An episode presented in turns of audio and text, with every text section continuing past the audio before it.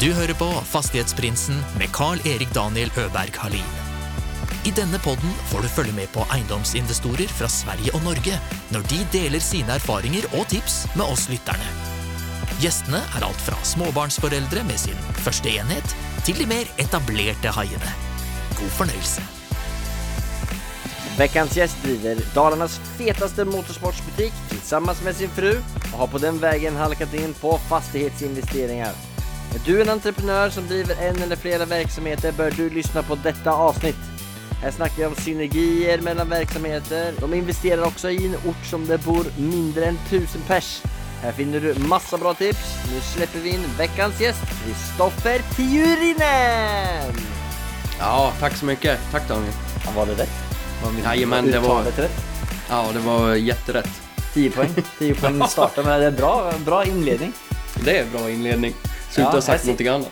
Nej, här sitter vi i varsitt eh, rum. Vi kör ju på Zoom. Du eh, sitter i biorummet jag sitter i min eh, stuga på tom som jag har. Det här ska, ska bli vårt kontor men jag hade, det var, blev lite spontant att jag skulle sitta här så jag sitter här med vinterjacka. Lite kallt. Det ser kallt ut. Ja. Tur att det inte blir sån här rök eh, imma men det är inte så långt ifrån. Nej, nästan. Får installera lite mer eh, värmepumpar här eh, senare. Då blir det bra. Slipper ytterjackan. Det är skönt. Ja, ja. Nej men eh, du sitter i din biostuga hemma i Säter i Sverige. Precis, i Dalarna. Det är fint att vara. Mycket Ja, men det snö, tycker jag. är det kallt. Eh, ja, nu var, det, nu var det faktiskt kallt. Nu var det ungefär en 10 10-11 minus. Jag slog om ifrån nu, att vi nyss hade plusgrader. Så det kom, kom lite snö, men vi är ganska långt ner i landet ändå för att, och, mm, vi får inte jättemycket snö här. Men det, det, är väl, eh, det är väl ganska bra för din business som du driver. eh, Kan du berätta lite vad det är du gör till vanlig? Ja men precis, alltså det primära som jag gör om dagarna det är att jag driver en butik som heter Säter cykelmotor. Och där säljer vi snöskotrar, fyrhjulingar, vattenskotrar och släpvagnar och sådär. Så har vi egen verkstad till allting. Så um, vi är ganska långt ner i landet för att sälja ändå ganska många enheter snöskotrar.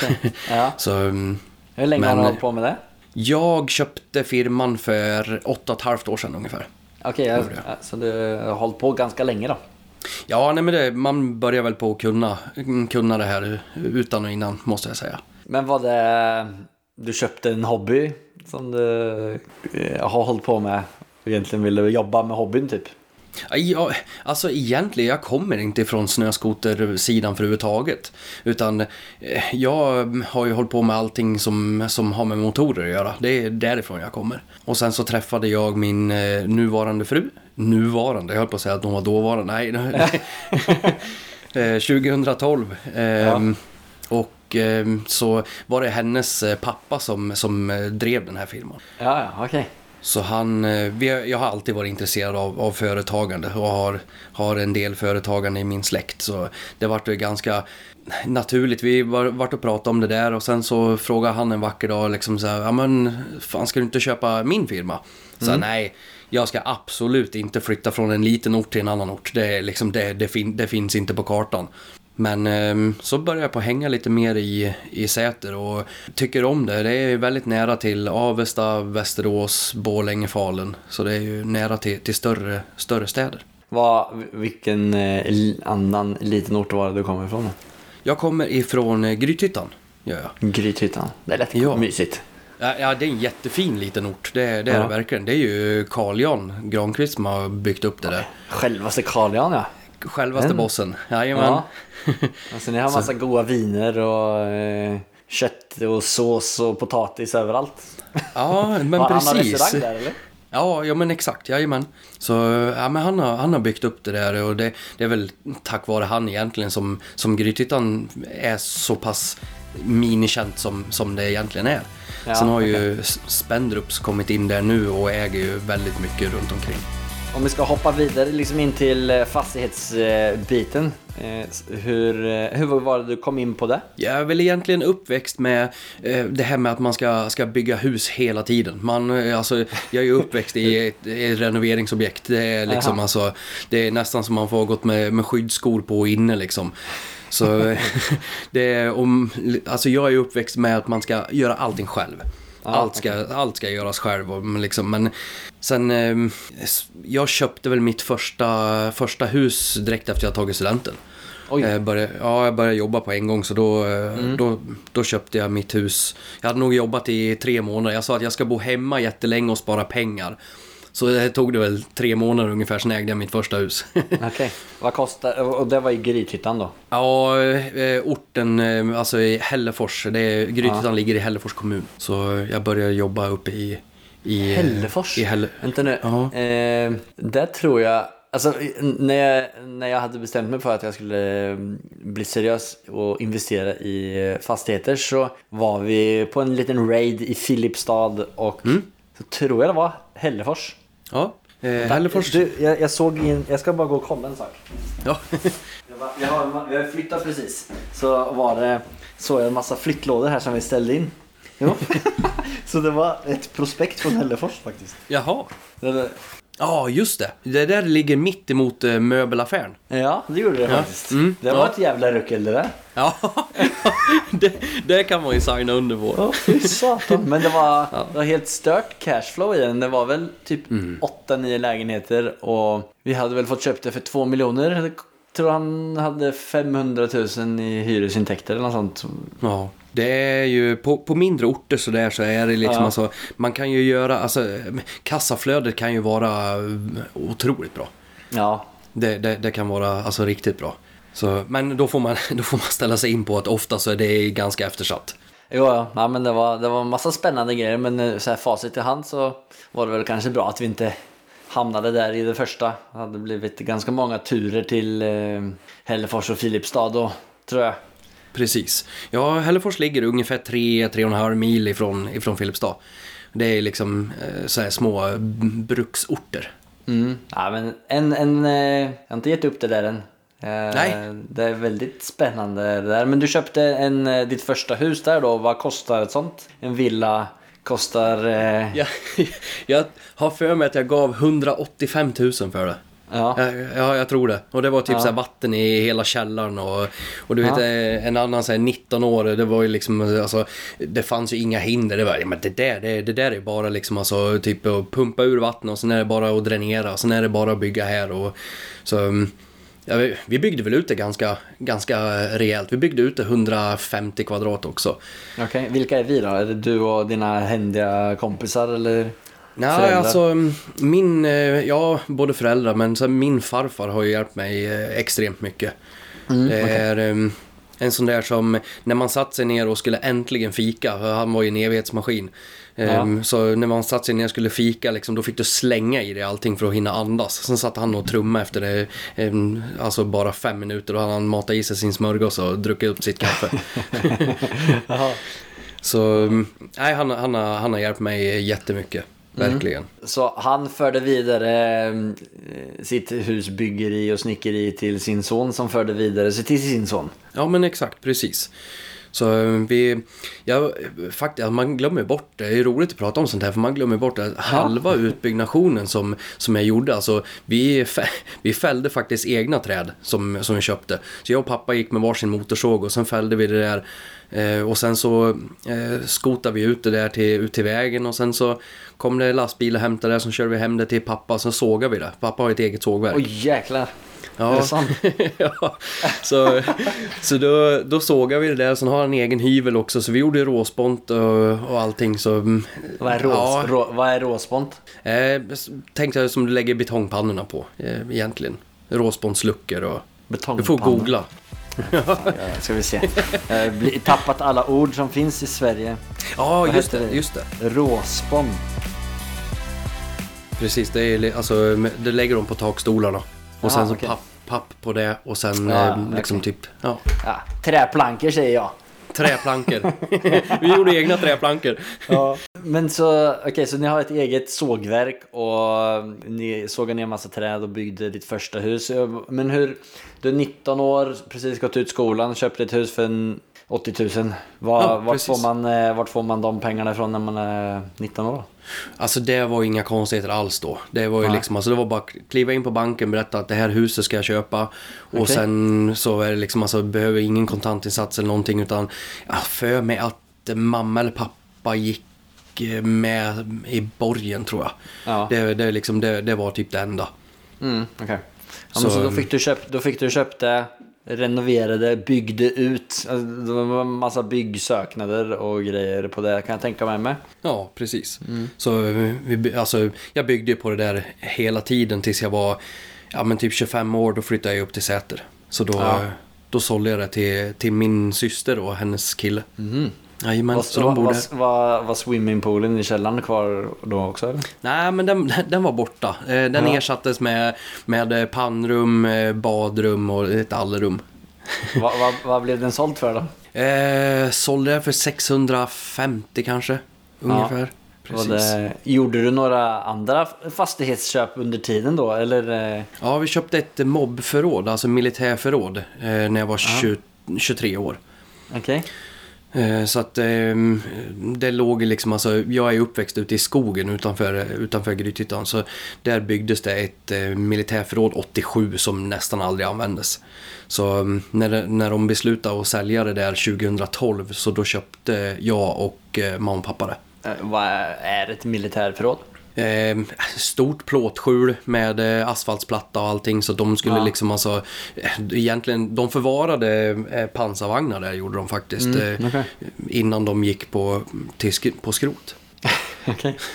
Ja de, ja, de skrotade, det var säkert en tio, ja minst tio, tio stycken som de skrotade. Ja, det är lite ton. Det är några ton, det är det absolut. Så de, de körde ut några stycken. Hur stort var det då? Vad hade ni för planer med det? Eh, egentligen så var det fanns ju liksom Planerna var ju att vi kunde göra vad som helst. Det var ju på 400 kvadrat. Så det är ju liksom alltså, ja men mitt ute i skogen så är det framdragen el och eh, ja men allt. Det är liksom när det kommer till försvaret så är allting påkostat. Det var ju liksom, man behövde inte ställa sig och, och typ rusta någonting direkt utan det Nej. var ju Allting var ju jättefint. Nu, nu var det bara ett vanligt plåtskjul. Ute i skogen, alltså för en annan som inte liksom har så full kännskap till eh, vad man kan få gjort med det. Alltså hur långt ifrån är det till närmsta liten by eller eh, hus? Det andra hus? Ja, ja, men det är eh, till, ner till eh, Grythyttan om vi säger där så är det ungefär tre kilometer. Så det är tre kilometer rakt in i skogen. Så det som vi hade tänkt på, eftersom att vi kommer liksom ifrån motorsportsfamilj, så då är det ju garage såklart. Det var ju det, var ju Ja. det som var. Så mm, jag var där inne och skruvade några gånger, så kunde man stå liksom mitt i bara för att det fanns plats. Ja. Men så vinterupp, vintergarage eller eh, året runt-garage? Nej, det var väl mest alltså det som vi gjorde med det i slutändan var att vi hyrde ut det. Det var ju mycket husvagnsplatser och så. Ja, just det. Men det blev inga rave, eh, inget, inget skogsrave där. Vad dåligt med skogsrejv då faktiskt. var Det var jättedåligt min med det. första tanke att det här var liksom tre kilometer rätt in i skogen. Det är ju lagt upp för att ha 500 rave-dansande glada människor. Pre- Precis, ja det passar perfekt att kom, komma ifrån Grythyttan då. Ja. Ja. Så, mm, nej men det, mm, det köpte vi 2012 och sålde det förra, förra året. Gjorde vi. Mm, Okej, vad, vad köpte ni det för? 350 000. Och vad, vad hade ni för hyresintäkter på det? Eh, ungefär kan man säga 30 000 om året hade vi. 30 000 Det om året. Ja, Ja. precis. I, i, ti, i, ja, men säg, säg 10 år ungefär. Hade man några, vad, vad är utgifterna på det? Är det mycket ström och, och sånt? Bara, Nej, det, nej, Ja. ing, ingenting liksom. Alltså det var, utgifterna är ju, alltså driftskostnader är ju obefintligt. Ja, okej. 30 000 på 300, ja det blir 10 procent. Det, det är inte jättestora summor, eh, varken köp eller hyresintäkter. Eh. Nej men precis. Eh, Tanken var ju att vi inte skulle hyra ut alls utan det, nu, Mm. bara, nu bara vart det så. så. eh, Men vi sålde det för 650 så att, eh, det Ja. vart väl en bra värdeökning i alla fall. Ja. Och vad blir, är det hobby, eh, hobbypersoner som köpte det eller är det liksom business eh, Precis. som, Nej. som, Nej, det- som köpte det? Nej, hobbypersoner. Det, det är ju oftast liksom, alltså, det är så det blir. De ska ju ha det som, som kanske bygga ett garage in, inuti det eller någonting. Vart, vart går vi vidare sen då? Ni köpte det och du flyttade upp till Säter, var det, eller var det nästa steg liksom i... Ja men precis, vi flyttade upp, jag flyttade upp, eh, eh, vi kan säga hösten 2014. Så eh, våren 2015 då, då köpte vi Säter cykel och motor. Så Emily flyttade upp ungefär sommaren 2015. Så Egentligen så, alltså det var ju, det var ju en fastighet då, som, som, eh, som ingick i, i köpet eh, som vi liksom har verksamheten i. Sen så tog det, det är ju bara typ tre år sedan som, som vi egentligen vi satt, började satsa det hårt på, på fastigheter. Vi, vi snackade ju lite om det här innan eh, vi började att spela in. Eh, det här med att driva en egen verksamhet och som, som genererar pengar eh, och som ger en avkastning varje år. Om det, eller som ger ett resultat varje år och liksom vad man ska göra med de pengarna. Och vad, har du alltid haft ett sånt tänk? Ja, alltså, Liksom jag, pengar ska jobba för sig själv eller var det något som kom med det att driva den verksamheten? Jag har alltid varit väldigt intresserad av, att- av att jobba. Så att man, jag har alltid återinvesterat eh, allting liksom alltså i, eh, inte i eh, gu- guldkedjor och klockor. Utan Nej. jag har alltid återinvesterat liksom i, eh, ja men om det kommer till fastigheter, mitt hem, eh, vad som helst sådär. Ja. Så det var ganska naturligt ändå liksom att man återinvesterade. Eh, Jag är inte jätteintresserad av pengar på, på det viset utan det är mest skapandet av pengar. Det är det som, som, jag, som jag brinner för. Liksom. Ser man att ett plus ett kan bli tre så är väl det liksom jätteroligt. Men så det kom ju ganska så, så automatiskt att resultaten som vi gjorde varje år, eh, Ja. vi, jobb, vi jobbar ju konstant ska jag säga. Ja. Så det gick ju superbra för oss liksom Mm. eh, varje år. Så då återinvesterar vi allting i verksamheten. Eh, Och för Mm. Hur oss, återinvesterade ni då? då? Ja, för, för oss är det ju mycket med, med fastigheten som vi, som vi är i och driver vår verksamhet. Mm. Ja. Så vi liksom byggde ut, vi byggde om eh, hela tiden på, på det viset. Och vi växte ju lokalerna på en gång sådär. Mm, okay. Så att eh, vi, eh, vi hade ju en fastighet som låg precis bredvid vår som eh, vi tjatade konstant om att, att, att få köpa där som vi liksom ville flytta vår, vår verkstad till. Det var ju en Ja. bilverkstad. Mm. Så efter mycket, mycket tjat om och men så då gick köpet i, i hamn. Så då var det egentligen bara att riva vårt, eh, vi har ju ett inhägnat område. Så det var bara att riva staketet emellan våra fastigheter så, så blir det typ en stor tomt fast det är uppdelat. Så nu Så har ni verksamhet i båda de lokalerna? Precis. Precis, vi har verkstad i ena och eh, så har vi butik och lager i, i andra. Så vi, vi är väl på ungefär 1200 kvadrat kan man säga. Har ni de här eh, fastigheterna i separata sällskap? Eller, alltså i bolag? Eller hur eh, äger ni dem? Vi håller på precis nu, nu ska jag säga. Ja. Vi håller på att ta hjälp av, av, eh, av eh, jurister nu då, så att eh, Mm. allting blir rätt när vi ska sälja till oss själva och sådär. Och det är bara för att separera egentligen kostnader så att vi liksom Mm. lättare kan mäta eget kapital i, i mm, verksamheten som när vi håller på alltså säljer våra, våra produkter. Ja. Så det, det, blir, det blir lite lättare att, att, att se kostnader på det viset. Kan du berätta lite mer om hur ni tänker där? För det är säkert inte alla som exakt vet fördelar och nackdelar med det. Det som vi ser fördelen med genom att, att vi hyr, och oavsett om, alltså nu hyr vi av oss själva, men det är ju för att se att kostnaderna, liksom vilka kostnader tillhör vår verksamhet där vi ska tjäna pengar och vilka kostnader hör till det onda tinget att man måste vara i en fastighet. Ja. Eh, För, att- för liksom så att man inte är utomhus och, och säljer alla produkter, har kassan Ja. ute på backen.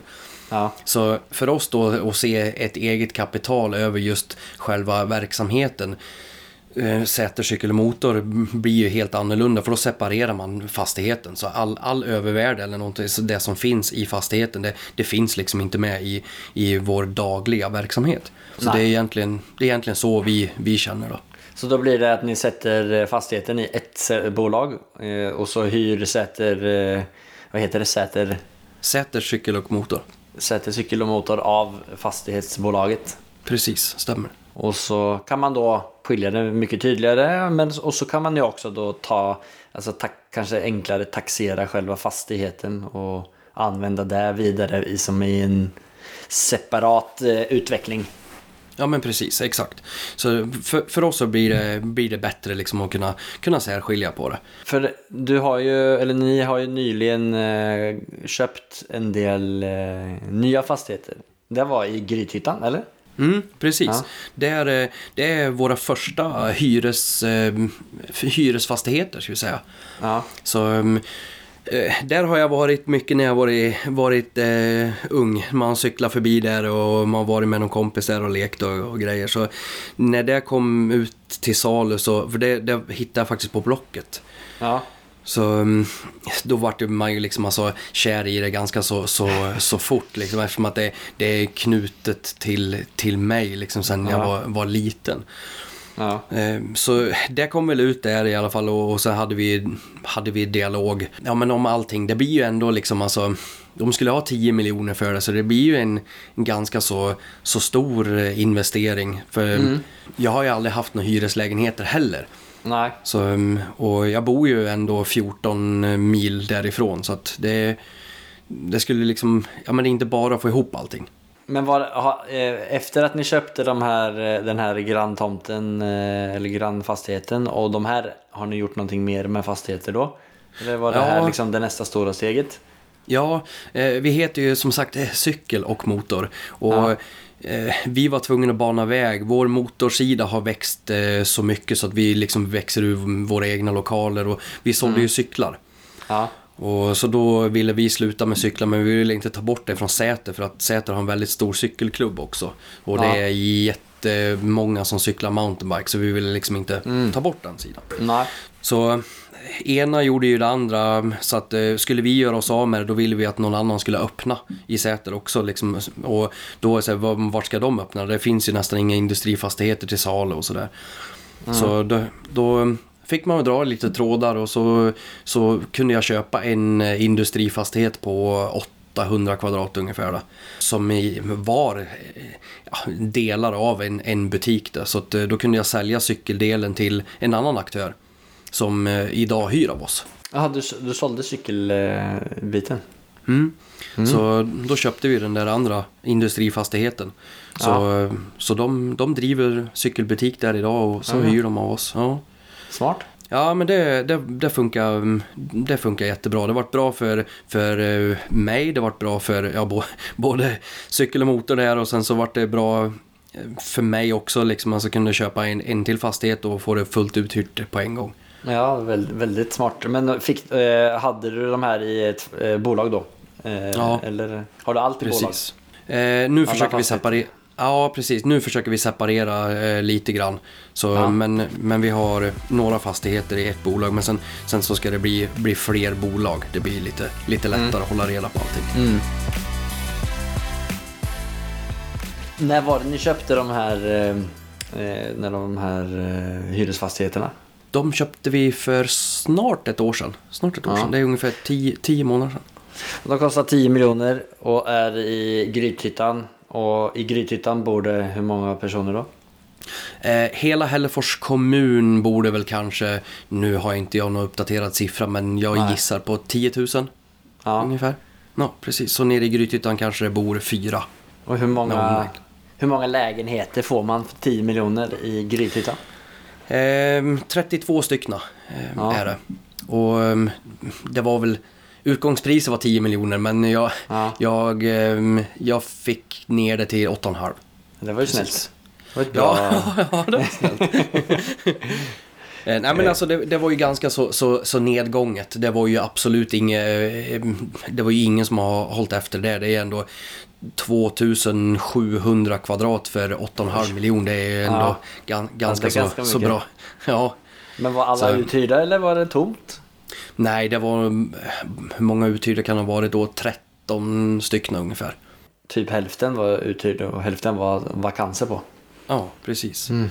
Så det svåra med ett sånt där, det är liksom alltså att jag ser, det, det här är ju ett objekt. Och det är ju, jag, jag tycker ju objekt är det roligaste. Det är liksom att få sätta tänderna liksom alltså i någonting och verkligen göra något. Och det är ju alltid det svåraste med att få banklån. När Ja, kassaflödet är liksom helt värdelöst. Kassaflöde existerar ju liksom inte. Nej. Så- alltså det gjorde inte det när ni köpte det liksom?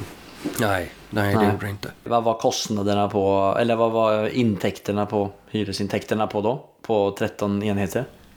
Eh, omsatte ungefär per år, säg 700, 800 000 ungefär. Då.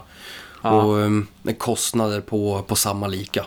Men så då är det ju ändå en, en ganska fin uppsida om man klarar av att, eh, u- att utveckla det och hyra ut det. Upplevde du att du betalade lite för den potentiella, eh, alltså den uppsidan som den potentiella uppsidan? Eller eh, är det, var det liksom inte inräknat? Nej, men det är, jag betalade för vad, vad som egentligen komma skall. Det, så är det ju fortfarande. Det Ja, okej. Idag har vi väl uthyrt till, ja, har vi lite drygt 20, 20 styckna hyresgäster ungefär. Då. Ja. Eh, vi, vi kan inte ta in fler nu heller för vi håller på att renovera för fullt. Jag, jag anställde ju min pappa innan han ens visste om det. Ja, Så, som snickare Så- eller? Ja, det, precis. Eh, Så han, eh, han håller ju på att renovera hela, hela dagarna. Han jobbar Ja. ju heltid. Ja. Men hur finansierar ni det då? Är det via hyresintäkterna eller är det en kombinering av hyresintäkter och eh, överskott från Säter? Ja, men det, det är överskott. Eh, hyresintäkterna Ja. nu går i princip åt till fasta kostnader för att vi har ju, eh, det är ju alltså sex huskroppar totalt. Ja. Mm. Och, och fyra av de huskropparna är ju eluppvärmda. Jag kan ju säga december månad då hade vi elräkning på 150 000 på en månad. Oj jäklar, det var surt. Ja. Och i Sverige så är elräkningen in- inkluderat i hyran eller? Ja, just där, eh, där de, eftersom att det är varm, varmhyra om man säger så. Då. Ja. Så, mm, men eh, vi håller på nu, så vi har precis eh, förra veckan så driftsatte vi 10 stycken lägenheter med fjärrvärme. Så att eh, nu är, nu är det 22 lägenheter med fjärrvärme, så nu återstår det 10, 10 till då och, och ja. driftsätta. Tror du att det vill göra med, med ökade mm, värdet på fastigheterna också? Markant. Det är liksom alltså alla, alla som man har pratat med. Du vet man är från en sån här liten ort och sen har man köpt Ja. något dylikt och det är ju så här grisen i säcken och det var ju sämsta köp man någonsin har gjort och eh, ja men det, det pratas mycket och sen Ja, så, men så sen, snälla, snälla folk på, på orten. Exakt, precis. Så då, då, då var det ju liksom alltså mycket snack kring liksom, alltså typ, ja men det är det, hur ska man kunna få något överskott på, på sådana saker när det är elvärme? Och jag sa bara, alltså, ja men det är väl bara att dra in fjärrvärme, det är ju hur enkelt som helst. Ja. Ja. hur, hur är det bara hur enkelt som helst? Det var ju det enda svaret man fick. Ja. Men eh, ja, vi tyckte väl att det, det var väl inte så jätteavancerat. Eh, Det har tagit tid, det har det gjort liksom. Alltså, eh, innan allting, de kom och grävde och, och sådär. Men sen är det inga konstigheter. Det är, ju- nu har vi driftsatt tio, tio stycken.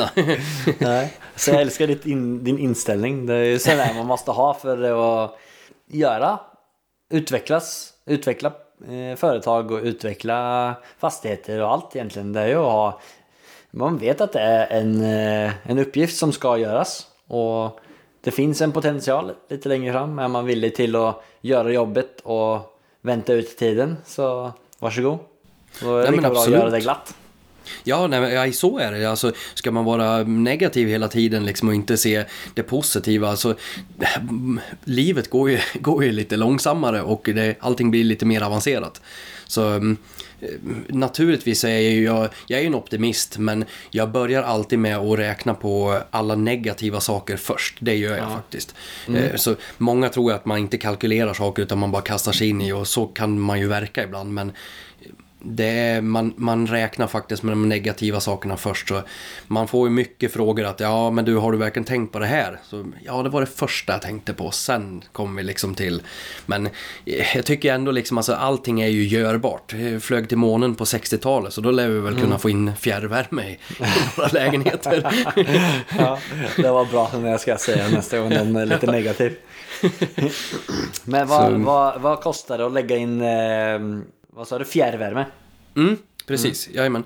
Eh, ja, men vi räknar med eh, få in fjärrvärme i 20 stycken lägenheter kommer kosta någonstans runt eh, 2,2 miljoner ungefär. Hur- kommer ni få lägre driftskostnader då också? Det är ju det som är så fort du får in fjärrvärmen så, det kommer ju vara varmhyra men eh, hushållselen kommer, kommer ju hyresgästerna få ta hand om själva. Så att Ja. eh, elräkningen sjunker liksom kanske ifrån Eh, Ja, men vad ska vi säga nu då att vi har snittat på, vi har väl legat på kanske 700 000 om året. Ska man Ja. ju, alltså någonstans där. Så kommer jag ju kanske betala 50 000 om året. Ja. Så Okej. mm, det, är lite, det är lite skillnad, så är det ju. Ja. Så, säger, vad, har du fått någon förhandstaxering av banken på dem då? Ja, men vi, vi ligger väl på någonstans runt mellan 21 och 24 miljoner. Gör vi. Alltså där ni är nu och, och det finns, och sen när ni renoverar upp de tio sista så får ni ännu mer? Eller är det liksom när ni är färdiga med hela projektet? När vi är färdiga med, med projektet Mm. så, så ligger vi någonstans mellan 21 till 24 miljoner och Ja. då, har vi, då har vi gått in med 5 miljoner själva, ska vi säga. Då, Ja. då har vi liksom så, Så då pass, har ni skapat 5 till 10 miljoner? i alla fall alltså minst, eh, ja men säg 10. 10, ja, Mm. Ja. precis. Det är bra.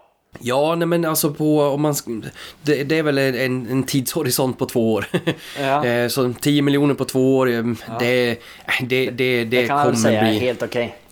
Det är helt okej, det, kom, det, kommer vara, det kommer vara min bästa affär, så, så är det absolut. ja. Det kan jag inte sticka under stol med, men det är mycket jobb och det krävs mycket planering och Mm. eh, just det här som vi sa, liksom, när banken bara prioriterar kassaflöde så Mm. de, banken hatar ju, så fort de hörde Grythyttan när de liksom satt sig ner och hade alla de här mötena, så de, de, de hatar ju att höra det ordet. Varför då?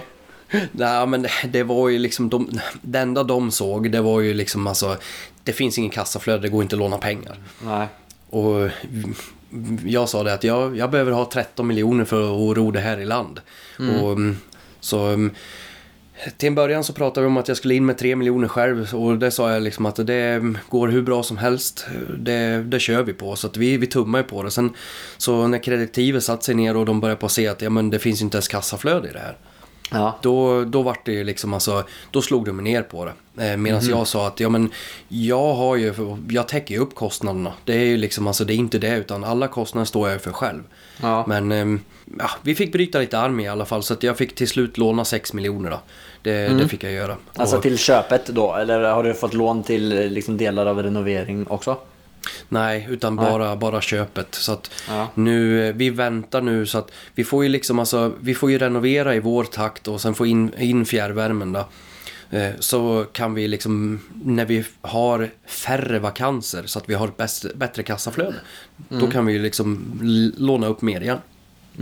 Tack för spännande information där. Eh, nu är det tid för att hoppa vidare till vårt nästa segment som heter Affärsanalysen. Och eh, det är det segment där våran gäst delar med sig av en genomförd affär och eh, tar igenom lite smått och gott.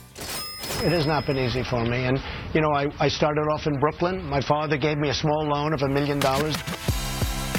Affärsanalysen. Det hade ju varit lite spännande att fortsätta på den här eh, Grythyttan. Ja, Om jag får absolut. fortsätta bryta din arm där. Ja, helt klart. Ja. Men det som, eller det som jag har undrat över när man är på sådana här mindre orter, det är liksom den här finansieringsbiten är ju ganska eh, speciell. Eh, och för det första så är ju hyresfastigheter, du kräver ju ganska mycket egenkapital procentuellt. Och när du är på mindre orter så kräver de ännu mer eh, egenkapital som regel. Men du sa att du fick lov till att låna 6 miljoner och du köpte den för 8,5. Så då har du gått in med cirka 3 miljoner då, eh, i den dealen. Och eh, det är ju procentuellt inte supermycket. Tror du att din, dina företag, alltså dina fastigheter som du äger idag och eh, eh din verksamhet bidrar till att du får mer lån? Att du har cashflow från eh, din motorsportbutik? motorsportsbutik? Ja men så är det absolut. Jag, jag skulle inte ens ehm, jag skulle inte ens ha frågat i Hällefors kommun, alltså banken där, om jag kunde få låna pengar till den här fastigheten. eh, I Grythyttan. Alltså det, det är naturligtvis så, de kanske, de kanske känner till mig, kanske vad, vad jag har gjort, alltså men man ska, det svåra är ju att komma, att man inte kommer från någonstans, så ska man in och just det här få lån, det, så, så är det jämt. Så var det för Ja. mig också. Alltså, men, men så att ja, ehm, svar på frågan är absolut. Det är mycket lättare liksom, alltså, när man har ett, ett jättebra kassaflöde naturligtvis i, i koncernen och visa upp. Men ehm, Ja. även att kunna liksom, alltså, bevisa att det låter ganska optimistiskt när man kliver in med sin budget jämt, liksom så är det ju. Men eh, de ser ju att man lyckas ju ro allt i land, liksom. Då är det ju naturligtvis lättare. Annars, jag, det, jag skulle inte kunna ha köpt den fastigheten om jag inte hade banken med i ryggen på det viset. Fick du, gick du, alltså fick du med dig samma bank som du har eh, alla andra fastigheter och företaget i? Ja, precis. Jag har en och samma bank till allting. Ja, alltså de kände till dig, de vet vem du är som person och de har ju historik på dig och företaget eh, som har gjort att de ändå är trygg på att de vet vem du är. någonstans så, vi har ju kunnat gått in med ungefär 20% bara i, i egen insats och det är ju väldigt lite. Det är jättelite. Ja, det är verkligen. Det är ju jättebra. Fick du, var det svårt att få med banken där? Eller hur, hur var det? Hur länge fick du hålla på med det? Först eh, så var det ju jättelätt. Alltså de, de såg ju de såg ju möjligheten, liksom, alltså vad, vad man skulle kunna skapa. Eh, Ja. Liksom jättebra peng liksom, som man köpte den för. Och ja, det går ju åt ungefär 5 miljoner för att renovera upp. Det, det gör det ju. Eh, Men eh, så det, det såg de ju. Sen så kreditivet som sagt när de satt där, de tittar på ett helt annat vis. De, de struntar fullständigt i möjligheten utan de ser bara kassaflöde. Ja. Så det, det var ju där allting fallerade ifrån första början. Och vi, eh, precis då när vi skulle köpa det så hade ju, vi höll ju på att bygga ett hus uppe i, i Himmelfjäll. Ett fjällhus. För att bygga och, och sälja då. Okej. Så vi hade ju låst lite, lite kapital där också. Okej, och det tyckte de var... Vad tyckte de om det menar du? Det- då, vi var tvungna att sälja det först, liksom, typ innan de kunde hjälpa oss. Men efter mycket, mycket tjafs och när man är påstridig och, och, och dryg så då släppte de väl med i alla fall. Men hade, kom, har du några tips på vad du, vad du gjorde? Eller var det bara att du tjatade kan- och tjatade? Nej, alltså om du kommer in till banken och sen så, så säger du så här, jag har det här eh, som jag vill göra, ehm, hur ser ni på det? Jag kommer in och sen säger jag liksom så här, det här vill jag göra, jag har det här förslaget. Så, så här vill jag att ni gör för mig. Så, ehm, och naturligtvis så kan de väl skratta ibland men eh, sen så visar man ju liksom att jag gjorde samma sak när jag kom in och ville ha det till det här och nu så ser det här ut på det här viset. Så mm, det är väl egentligen övertygelse. Det mm, har man väl kanske lärt sig under de åren när man hållit på med sälj. Ja, ja men du, alltså, du kom in och sa vad de skulle hjälpa dig med i, för att få Precis. till det här. Ja. Exakt, jag, jag frågade inte tvärtom hur de kunde hjälpa mig utan det var att de ska hjälpa mig på det här viset. ja. Och hur skulle de hjälpa dig då? Det var ju då egentligen liksom att vi skulle köpa det för, för 8,5 och sen skulle vi renovera för 5. Så om vi, om vi säger 13 då, så, mm, så var det ju att jag kan gå in med, med 3 miljoner så mm, 30 procent. Ja. Ehm, Så mm, resten skulle, skulle de stå för. Lät ju jättebra i början som sagt när, när de ser mm, samma sak som jag ser, liksom själva projektet, vad som, vad som komma skall. De får låna ut en massa pengar och det är det de vill göra. Men, Men sen så okej, så du, du hade tänkt att låna till köp och renovering men så gick de inte med på det på grund av att de såg att eh, kassaflödet inte var så bra idag och då var det för stor risk så då ville de inte göra det. Så då fick du, du eh, fick man göra det på traditionellt vis egentligen. Köpa eh, med, egen kap, med, med en viss procent egenkapital och så du, fick du stå för hela re, renoveringskostnaderna. ja, men exakt. Ja. Och eh, hela renoveringen, det blir ju liksom alltså väldigt mäktigt om man ska in med kanske 30% själv och sen ska man stå för hela renoveringskostnaden själv också. Det blir ju liksom alltså jätteövermäktigt men jag vet ju liksom att när det har gått eh, en viss period och vi har lagt ner säg två miljoner vi skulle behöva tre till. Då har vi så pass mycket... Då har vi så skapat pass så mycket värden. Ja, precis. Exakt. Och har ett bättre kassaflöde med, med mindre, med mindre liksom alltså kostnader. Så är det. Så, så då, då kan vi ju testa det igen och låna upp. Ja, så det är precis. Det där är ett riktigt bra tips. Att man, man delar upp renoveringarna i tre, fyra olika steg. Och så kommer in till banken igen och gör ett nytt försök. Då har man ju kanske bevisat att den planen som man eh, har eh, visade fram först eh, går att genomföra.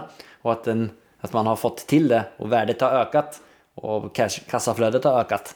Gör banken mer trygg på det och då kan man få dem att låna för då, är ju, då, kommer, då ser ju de, liksom får en, ett, ett, ett nytt perspektiv på projektet. Exakt, och ha, har ju lite andra planer också ifall att det skulle vara trögt att hitta eh, hyresgäster till liksom nyrenoverade lägenheter. Så Okej. då så skulle vi liksom kunna gett dem rabatt. Så att de, så vi, vi får in hyresgästerna, låst dem med kontrakt och sen så får vi liksom ett, ett eh, ja, vi får in halva hyres, eh, hyresbeloppet mot vad vi har tänkt. Så, Okej. eh, och sen kan vi liksom alltså lova dem det ett tag tills de får renoverat. Och sen kan de, så att vi, vi, har en, vi hade en plan på det alltså också. på, på de orenoverade lägenheterna så skulle ni exempelvis hyrt ut den här lägenheten för 6000 men så får de 3000 kronor i rabatt fram tills att det är renoverat. Ja, precis. Jajamän. Så jag vill låsa upp dem. Men nu så var vi lite försiktiga med det för att alltså, det, är, det är många som har hört av sig och vi har ju fått tacka nej för när, när de kommer in och sen så ska det vara varmhyra och vi har eluppvärmt. Det är liksom alltså vi, vi blöder ju pengarna fruktansvärt. Som sagt i december månad så låg vi väl kanske på Vissa lägenheter betalar jag ju 13 000 per lägenhet i, i el. Fy fasen. Ja, så att det liksom alltså den, då, då fick man liksom alltså tacka nej. Det, Ja. Så får de återkomma sen när, man, när vi har renoverat. Ja, nej, men tack för att du delade med dig det. Det var jäkligt spännande och låter som att det är ett riktigt bra projekt. Är det något mer som du har lärt dig utav det? Som du tänker kan vara kul att dela med dig av? Ja men det är just det här, jag som, eh, jag är ju jättedålig på att förvalta. eh, Utan jag vill ju åt projekten. Sen när man har gjort ett projekt då vill jag gå vidare. Så projekt kan man ju, är du ute efter att tjäna pengar så kan man ju verkligen, verkligen tjäna pengar på projekt. Det är liksom, eh, det krävs mycket planering och, och mycket, alltså bra strategi men det går, det, går, det går att tjäna bra med pengar men då krävs det också att det är ju det svåra. Du har ju ingen kassaflöde. Så um, ibland så kanske det är bättre att bara då kasta in en, kasta in, eh, få in en massa hyresgäster och få bättre Ja. kassaflöde så man det går att låna upp lite successivt och, och renovera. Det är hyresfastigheter absolut, men tänk på att banken de prioriterar enbart bara eh, alltså kassaflöde. Men det här är ju ett grymt bra projekt. Det har liksom, ni skapar massa värden och ni skapar kassaflöden som sen finansierar sig själva när ni är färdiga. Det är egentligen dröm, drömprojektet att göra så. Ja men det är det. Ehm, och ofta så hittar du väl sådana såna drömprojekt. Alltså de, de hittar du väl så här mun mot mun. Alltså du hör att någon, för direkt de kommer ut till, till försäljning då hoppar ju alla, då alla ska ju ha liksom. Det är inte bara du och jag som sitter och kollar Men hur eh, kom det sig att ingen så. hade hoppat på den då? Eh, Jag tror att just den här grejen att det är en väldigt, väldigt liten ort. Mm. Och sen så är det liksom alltså elvärme och de som känner till den fastigheten är ju liksom alltså de, åh nej det där är så sunkigt, det där är så nedgånget. Så ja, spelar det för roll? Vi ska ju renovera i alla fall. Mm. Så um, ja, det handlar mycket om inställning och attityd. Eh, inställningen och attityden kanske inte är den bästa ifrån en sån jätteliten ort. Nu ska jag inte dra alla över samma kant men. Eh, Det har jag lärt mig i alla fall. När jag kom till Säter så såg jag ju jättestora möjligheter och sen de som är uppväxta här ser bara nej alltså vadå Säter det är ju ett sjukhus. Det är Mhm. liksom alltså alla, alla är ju intagna på, med tvångströja. Du kommer skaffa massa kompisar efter det här avsnittet. Exakt, precis. Ja. ja, men tack så jättemycket för det. Vi hoppar vidare till vårt nästa segment som heter Fyra frågor. Det är de samma fyra frågorna som vi ställer våran gäst.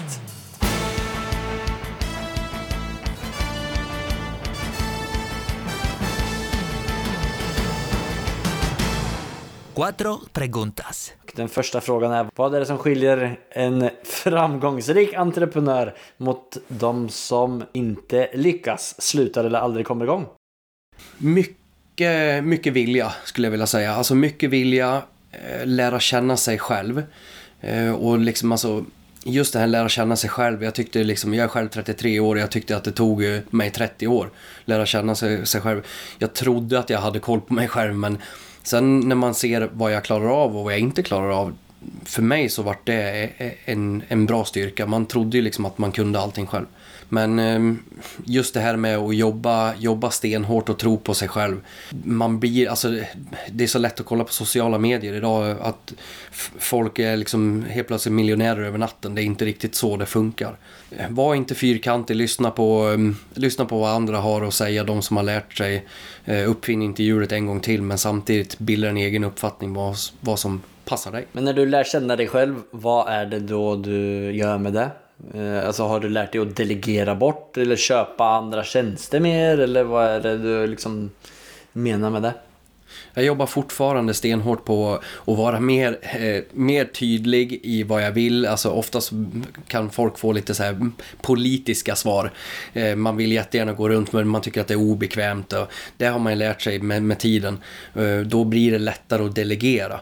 Jag är inte jätteduktig än idag på att delegera, liksom. jag gör alldeles för mycket själv men jag vet om mina svagheter. Är, jag jobbar mer på mina svagheter än vad jag jobbar på mina positiva egenskaper. För de, de finns ju där. Det är, det är som att, att prata nu liksom. Alltså det, det sker per automatik. Ja.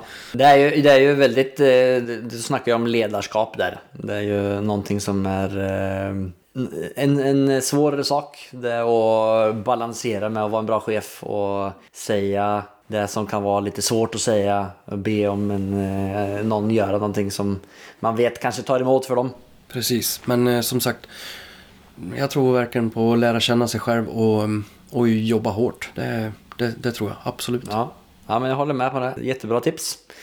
Om alla fastigheter var tillgängliga för dig, om pengar inte var motivationen, vilken fastighet hade du förvärvat och varför? Jag är ju fruktansvärt dålig på det där med liksom fastigheter, så här anor från 1800-talet. Jag förstår mig inte på sånt. Det är, Nej. Så jag, jag tycker om höghus, alltså skyskrapor med mycket glas och marmor invändigt. Det, liksom, det går jag igång på. Ja. så, mm, Så, nej, så det, Gry- Grythyttans första 50-våningshus, det, det är det huset du vill ha egentligen? ja, precis. Eh, Unge, ungefär så. Det, Ja. ja. Ja, När du är pensionär nej. så river du de där husen och så bara smäller du upp ett, eh, en riktig skyskrapa. Ja, men typ. Det är Ja. mycket, mycket glas ska det vara. Ja, men det blir bra. Det kan vara så 3D-printat eh, skyskrapa i Grythyttan. Det kommer nog Bara vara glas. på den tiden. Ja, jajamän. Ja. Har du ett bra boktips för en som är eh, intresserad i fastighetsinvesteringar? Jag är extremt dålig på att läsa. Alltså, mm, när jag börjar på att läsa, jag har jättemånga chanser. Alltså jättemånga chanser. Och när jag börjar på att läsa så då har jag nästan startat ett nytt företag när första sidan är, är, är, är klar. Du, Jag, bara, mm, du, du menar liksom att du spånar, eller att du försvinner iväg i tankarna? Ja. ja, jag svävar iväg något, något fruktansvärt. Så att jag är duktigare på att lyssna. Ehm, så därför jag försökt lyssna mycket poddar. Jag har nog hört alla svenska avsnitt i alla fall som Fastighetsprinsen har gjort. Ja. ja, men det är bra. Du får testa de norska också. De är, de är bra också. Ja, jag är, ja, fast jag är inte så bra på norska. Så, Men är det så svårt? Det- Ja, ska jag säga. Jag fattar. Jag hörde fan inte skillnad på danska och norska när jag flyttade hit. Så ska, jag- nu är jag Nej. bara blind. Nej, är- jag, jag, jag tycker att det är jättesvårt. Jag har Ja. provat eh, flera stycken, men eh, Ja. jag, jag tycker det är jättesvårt. Så, men jag är ju, just det här med tips och jag tycker ju om ekonomi. Ja. Ehm, och det hoppas jag att många som håller på med fastigheter eh, försöker vara intresserade av i alla fall. Så, och då kommer vi in mycket på det här med, med företagande. Ehm, jag tycker att ekonomi hör ha, fler bör kunna mer ekono, ekonomiska tal om man säger så. Behöver inte vara jätteavancerat, det kan inte jag heller men... men eh, så att man eh, jag förstår förs- grunderna, men vart, vart, vart ska man lära sig grunderna av ekonomi då? Då, alltså jag, till en bra början då är det att lyssna på mindre poddar faktiskt. Typ Visionärerna eh, tycker jag faktiskt är jättebra på, på, på Spotify. Det, är- det är några runt eh, Mora som har, som har gjort den. Det är två tjejer. Eh, och de intervjuar så här, små företagare och mellan små företagare. Och då känner jag igen mig ganska mycket, liksom alltså med energi. Och man pratar lite mer liksom alltså företagande. Ja, Så okej. det, det tycker jag mm, helt klart man kan... Shoutout till Visionärerna så lägger vi till den i beskrivelsen här också. Ja men bra tips, det ska jag också in och kika på. Sista frågan då. Nämn det mest storartade, roliga eller minnesvärda sättet som du har firat en genomförd affär eller seger på. Och jag är så jävla tråkig. Alltså det är... Jag är ju så tvärkass på att fira. Ja. Det är liksom, alltså... Jag vill gå vidare men jag har lovat mig själv nu faktiskt. eh, Det är mm, bara en vecka sedan som jag har sagt att jag ska inleda ett nytt liv. Jag ska försöka investera lite grann mer i mig själv. Eh, Så att jag ska... Jag lovar att nästa affär jag gör ska jag fira ordentligt. Ja, det var inte bra. Hur då? Ska du göra, köpa en steppkurs och um, lära dig att moonwalka?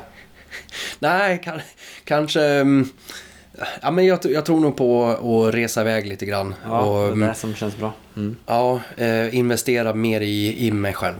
Ja, ja, men det är Jag bra. kan, jag kan, jag lätt kan att skicka någon bild. Mm, Det kan jag lova att du ska. Ja. Ja. Ska du ta med dig din snöskoter till eh, Jamaica och åka på, På vattnet. vatten, på vatten och stranden. Vet du. Det blir fint. Ja. Ja men det är bra. Ska jag följa upp det på. Är det några speciella deals som du är på jakt på eh, nu? Liksom, eller är du, har du händerna fulla med Grythyttan? Just nu, nu så är det ganska så... eh, Jag som är optimist eh, förstår inte att jag själv säger så här att Nej. det är fullt, men det Ja. är fullt. Ja. Det du klarar är alltid ett litet samarbete med någon här och där. Ja, men det, är gör någon jag. som är intresserad. Jag har, ja, jag har faktiskt ehm, en, ehm, en kund till mig som jag lärt eh, känna ganska bra. Vi har ganska så spännande saker på gång. Har vi. Och det är byggnation. Det är liksom, jag är ju mer liksom för de här byggnationerna än typ eh, inreda och hänga upp en gardin och sådär. Utan jag Ja. tycker om grovsmide. Ja. Så, ehm, Grovsmide. Ja. Ja. Det, är, det är lite grovsmide att bygga hus.